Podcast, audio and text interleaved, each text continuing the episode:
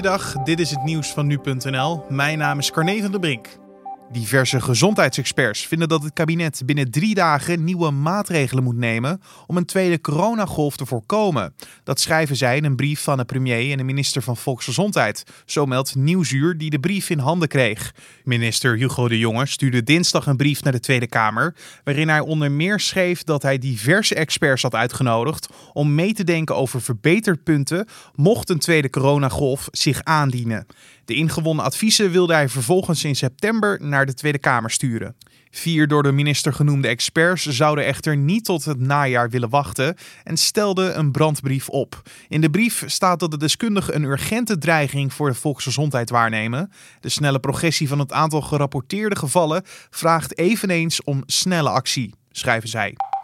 De Republikeinse conventie in augustus in Florida gaat niet door vanwege de toenemende coronabesmettingen in de Amerikaanse staat. Dat maakte president Donald Trump bekend tijdens een persconferentie.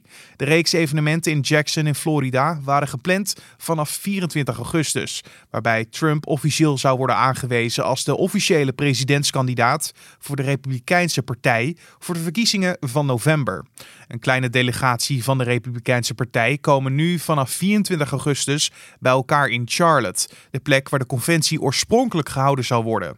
Het programma zal worden uitgekleed en de meeste gedelegeerden zullen virtueel aanwezig zijn en online hun stem uitbrengen.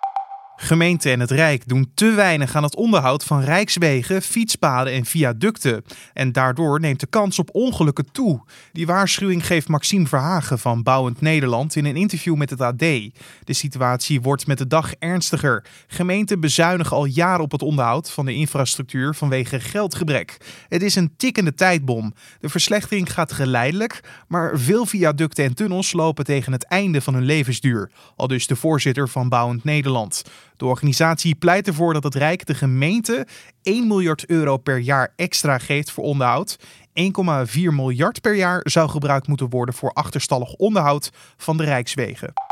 Een Iraans passagiersvliegtuig heeft donderdagavond boven Syrisch grondgebied sterk moeten uitwijken omdat twee Amerikaanse straaljagers te dicht in de buurt kwamen. Dat meldt het officiële Iraanse persbureau IRIB. De piloot moest snel van hoogte veranderen om een botsing te voorkomen. Daarbij zouden enkele passagiers licht gewond zijn geraakt.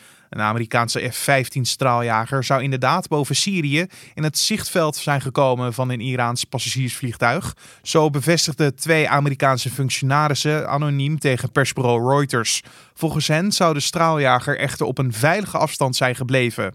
Het Amerikaanse ministerie van Defensie heeft nog geen officiële reactie gegeven. En tot zover de nieuwsupdate van nu.nl.